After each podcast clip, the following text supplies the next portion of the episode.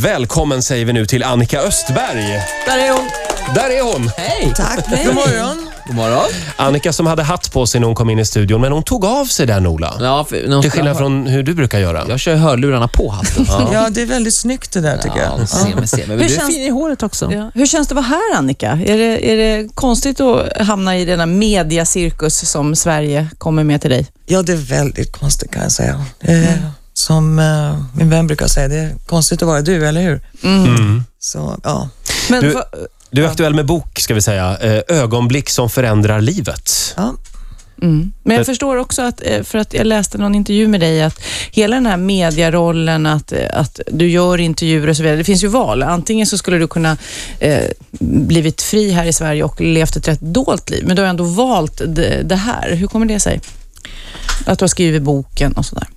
Ja, vad ska man göra med 28 år av sitt liv? Um, jag tycker att jag vill ta det som är negativt och göra det till positivt. Alltså vid min ålder, mest, det mesta folk har karriär, de har barn, de har liksom allting och vad har jag att komma med? Nästan 60 år. Mm. Eh, Så det här är ju vad jag har att komma med och jag har ju en, en djup kärlek för folk som har hamnat snett och är lite på utsidan och, och sådär. Och jag vill gärna nå dem och, och säga att oavsett hur det ser ut i livet så händer saker om man bara öppnar sig och, och tänker positivt. Och man kan ju hitta, det jättefina glimtar av eh, saker i livet om man bara ser dem. Du, du är uppvuxen i Hässelby, eller tills du var 11 år? Ja, precis. Ja. Vad minns du av Sverige då och barndomen?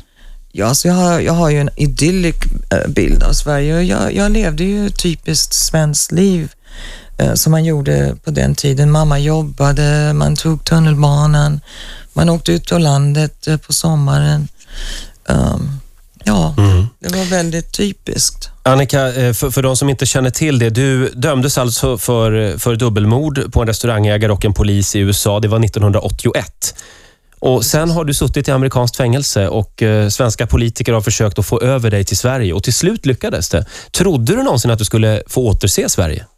Jag hade ju ett svagt hopp kan jag säga i Mm. slutet. Men eh, i början när först den här konventet var, var påskriven då, jag tror det var 86, då trodde jag att ja, men nu händer det saker. Mm. Eh, och sen då varje gång som det verkade som vi skulle komma nära någonting, då hände någonting här. Eller Då bytte de regering Ja. eller vad det nu var. Så att eh, nej, till slut så liksom jag, jag kom till en plats av acceptans att här är jag. Här kommer jag vara och, och vad ska jag göra med livet då? Vad får du för reaktioner från folk undrar jag? För att de reaktioner vi får från våra lyssnare när vi säger att du ska komma hit, de är inte enbart positiva. Utan man tycker, "Ah, va- varför ska ni hålla på och ge henne uppmärksamhet och, och hon har ju suttit i fängelse. Och, Vad får du för reaktioner? Alltså jag har inte fått någonting negativt personligt från eh, ansikte mot ansikte eller jag har fått hatmail, några stycken, det, det är klart. Och jag har ju läst lite grann på nätet fast jag undviker för det mesta det där. Men eh, jag brukar säga att det är bara en person som inte tycker om mig och han eller hon heter Anonymous. Så att eh, många har mycket att säga men jag står för mitt liv och jag, jag står för vad jag har gjort och eh, om de vill fråga mig någonting så får de gärna göra Hur mycket ånger har du kvar då? För jag tänkte det är länge sedan nu. Är, är det fortfarande så att du känner att du skulle vilja backa bandet och ha det ogjort? det. Absolut, hela tiden. Alltså man kan ju inte bara stänga dörren på en sån här eh, händelse. Det påverkar ju hela livet. Mm. Och jag känner att de här två personerna, de är med mig hela tiden. Och de har gett mig så mycket, så konstigt som det låter. Men ehm, jag vill också leva livet för dem och jag är alltid medveten att allting som jag gör, alla mirakler i mitt liv, det är någonting som de inte får uppleva. Om vi pratar fängelsevistelse då. Du har varit i amerikanskt fängelse väldigt länge. Jag läste att du, du tillbringade tid med de här Manson-kvinnorna Mm. och sådär. Skaffar man sig bra vänner där? För att det är ju rätt sjukt, som du själv också har sagt, att där, där är ni och du tittar ut på massa kvinnor och alla de här kvinnorna kanske har blivit, varit delaktiga i att något annat liv har försvunnit. Ja, precis. Men eh, alltså, vi var ju eh, på något sånt konstigt sätt eh, jämlika, för vi hade alla bakgrunder, vi hade alla eh, ja, hemska saker. Så att eh, det gick inte att, att döma en eller en annan, för att då skulle man döma sig själv. Mm. Och om man ska hitta förlåtelse så måste man börja med att förlåta. Ni satt alla i samma båt kan man säga. Eh, Ola, Mm. Va, va, vad är det med mig? hur mår du? Du är så tyst i, i vad- ditt hörn. Ja, ja. Får jag ställa en fråga till Ja. dig? Du pratar om eh, öppna och stängda dörrar. Hur länge har du varit eh, ute i, i det fria, så att säga? Hur många år nu? Alltså jag kom till Sverige eh, i april 2009. Eh, jag kom till Basta eh, mars 2010. Och Basta är ett kollektiv. Basta är ett arbetskooperativ. ja. Mm. Men, och när man har suttit då i fängelse så länge, blir man känslig? Är du till exempel känslig för, nu har vi stängt dörren till det här utrymmet. Påverkar det dig? Påverkar sådana saker? Blir man liksom skadad för livet av att ha varit inlåst? Eh, I viss, I viss mån, ja jag kommer ihåg när jag först fick nyckel liksom, till, till mitt lilla boende där på Basta. Och jag tog nyckeln och gick in och ut och in och ut och in och ut. Och sen uh, gick jag ut mitt i natten. Jag, jag, vi var inte tillåten att vara ute efter typ ja, halv nio ibland. Så att uh, kunna gå ut till, på, i midnatt, det var liksom, woo! Mm. Små eh, saker som blir speciellt. När jag läser lite utdrag av det du har skrivit här, bland det starkaste jag har läst eh, är ju, eh, du berättar att du använde heroin och injicerade och att din lilla tvååriga son en morgon när du tittade på honom höll på med en penna vid armen och lekte. Liksom. Åh, Ja, precis. Det var Lekte hero, her, heroinist alltså? Ja, precis. Oj. Det, det var helt chockande. Det var liksom en vändpunkt för mig att, hallå, det är dags att ändra på livet. Mm. Eh, Annika, sitt kvar. Vi pratar med er alldeles strax. Eh, Bland annat så hade vi Babben Larsson här igår. Hon har en fråga till dig eh, om en liten stund. Häng med oss. Vi väljer ju att inte fokusera så mycket på det som föranledde ditt fängelsestraff i USA, utan, utan istället på hur det är nu så att säga. Nu är du hemma i Sverige igen och en fri kvinna och du bor i det här kollektivet. Jag bor på Basta, underbart ställe och jag har varit en del av det sen, nästan sedan början. För jag träffade ju eh, Alle Karlberg som eh, grundade Basta. Ja, ja. Många, många år sedan. Eh, vi, vi hade Babben Larsson här igår. Ska vi ta den frågan Ja. också? Ja. Eh, här kommer den. Jag vill fråga henne om hon har någon hund just nu. För hon har jobbat med hundar i fängelset. Ja, det har hon ja. Ja. ja. Du brinner lite för hundar, Annika. Ja, de är så underbara. Jag har faktiskt en hund som jag eh, eh, fick innan den var även född. Alltså jag kände mig som mormor som väntade barn liksom, när tiken eh, skulle födas. Så jag har nu en liten golden valp, en tik. Oj, oj, oj, vad sött. Ja, som jag ska åka och hämta eh, 10 september. Jag har fått massor med bilder, vi håller kontakt och ja, jag funderar på att köpa säng och ja, du vet, det är precis som om jag ska Vad ha ska den barn. heta då? liksom. Har du planerat namn? Den ska heta Tasha, men eftersom kullarna går i alfa, alfa order så måste hon vara O Tasha. Jaha. Ja, så att, Det är eh, noga det där ja. Ja, ja, du vet, det är ju stamtavlan och det hela. Så Just att, det. eh, men lilla Tasha kommer hem. Men vad då hund, finns det hundar i fängelset? Vi hade eh, ett hundprogram. Det är rätt så vanligt där att fångar tränar upp hundar, för vi har ju massor med tid, eller hur? Mm. Så att eh, vi tränade hundar till eh, handikappade. Mm. Mhm. Mm, så det var väldigt intressant. Vi har ju otroligt mycket frågor om, om livet i fängelse. Ja. För det är ju sånt där man bara ser på film. Jag tänker mig tv-serien Kvinnofängelset. H eller någonting. Ja. Ja. fyra nyanser av brunt. Ja, det är hur väldigt mycket, brunt. Hur mycket våld är det i ett kvinnofängelse? Ja, det är, det är ju våld alltså. Men inte... Eh, Är det vapen? det är Knivar? vapen, det är knivar, det är hänglås i strumpor, det är fan. nävar, det är, det är skor. Alltså det, och ibland så är det kanske fem, sex mot en. Och, Oj! Är man rädd? Så.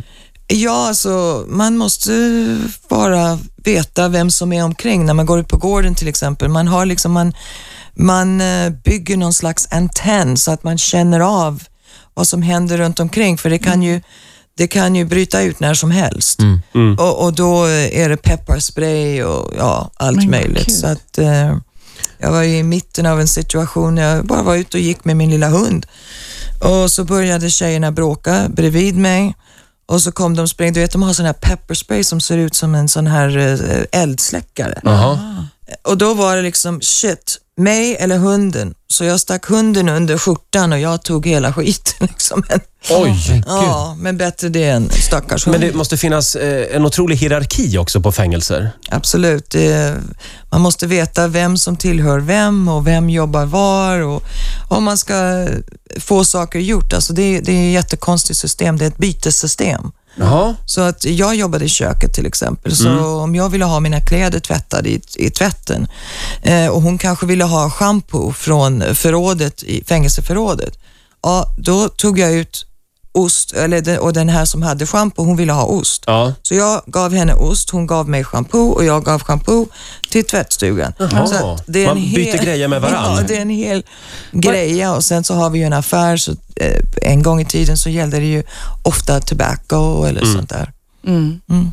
Jag, jag förstår att i boken som nu kommer så eh, har du, berättar du lite mer som du inte har berättat tidigare. Bland annat om att eh, du faktiskt missbrukade i fängelset. Ja, det, Och, det måste vara, hur, och knark då?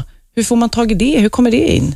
Det kommer in, alltså det kommer in via posten, det kommer in via vakter, det kommer in via besöksrummet, det kommer in via tennisbollar över staketet. Det, eh, det är nästan omöjligt att hålla knark ut Mm. när ni har så många missbrukare samlade ihop. Och, och du, eh, vad ska man säga, starten på ditt missbruk där var att eh, du fick beskedet att din son gick bort. Min son dog i en bilolycka och eh, tjejerna kom med eh, kärlek och kramar och eh, med den enda sak som de trodde skulle hjälpa mig, eh, som de hade tillgång till och det var heroin och det, det dämpade ju förstås Mm. allting så att jag kunde bara stänga av en tid. Det var 1985 det alltså. Ja, precis. Och när du fick det beskedet var ju väldigt märkligt också. När, när de först, när de, de ringde till dig va? Jag fick beskedet, eh, alltså min, de, de tog ut min rumskamrat Mm. eh, och bad henne, för vi var på vad heter lockdown, alltså ingenting rörde sig, det hade hänt någonting på gården. Så att, eh, de tog ut henne och eh, hon kom tillbaka gråtande och jag var liksom shit, vad har hänt nu? Och då berättade hon för mig. Jaha, så hon fick berätta? Så hon fick berätta, ja. För de visste inte om jag skulle bli alldeles, ja. Så att, eh, och sen fick jag ringa då till, vad heter det för någonting, The Morgue. eh, Bårhuset. Ja. bårhuset. Och då sa de, nej, vi har ingen eh, Sven Johnston här, men vi har Green Johnston och det var hans pappa. Så att eh, då trodde jag nästa 24 timmar att okej, det här var ett misstag, Mm. vilket är inte så ovanligt på anstalten. Och att Sven levde och pappan inte levde. Mm. Men ändå ville jag hjälpa till med att få reda på att det var liksom begravningsplaner och sådär. Så jag ringde tillbaka och då fick jag reda på att det var båda två. Åh. Så Åh, herregud. det var...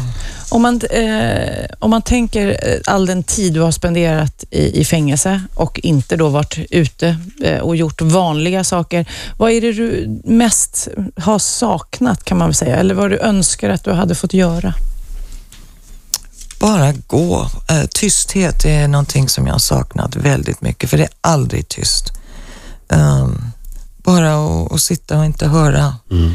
Radio, röster, nycklar, alltså allt det där. Eh, bara lugn och ro tror jag. Och nu har du fått det. Absolut. Verkligen. Eh, Annika Östberg gästar oss den här morgonen, ska vi säga. Fem minuter i nio, Riksmorgon, så här.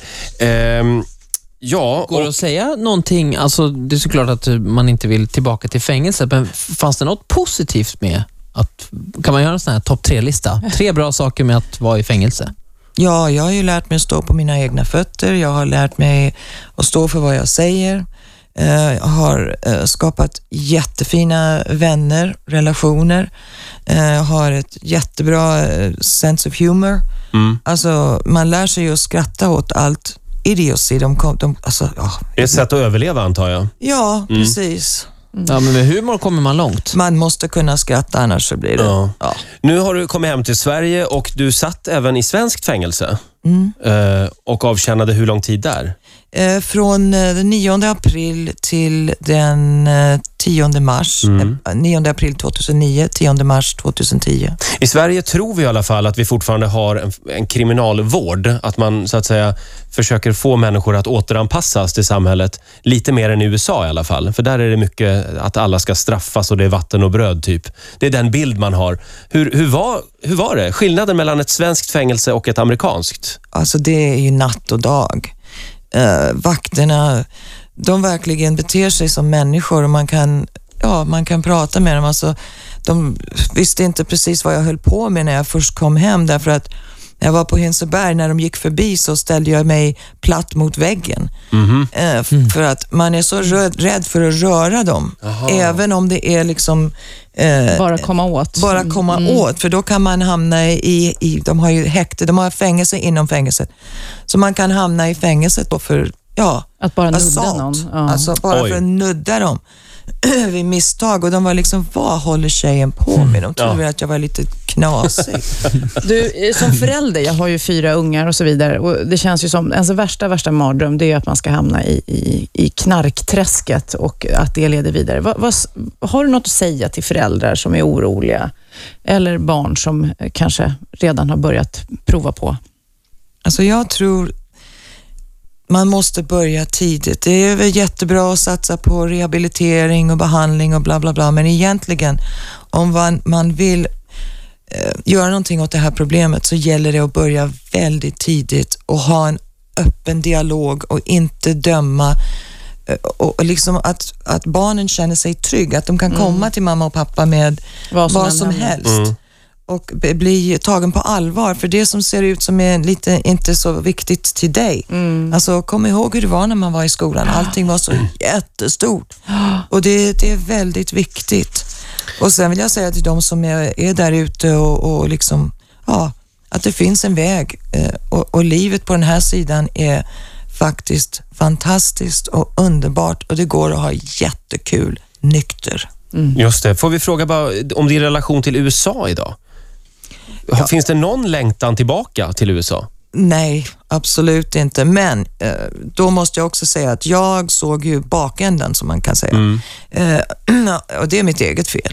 Så att det finns jättemycket fint där, fina folk och, och allt sånt där. Men tänkandet och eh, ja, hela atmosfären är inte någonting som jag vill leva i. Du är klar med USA helt enkelt. Vi, avslutningsvis bara.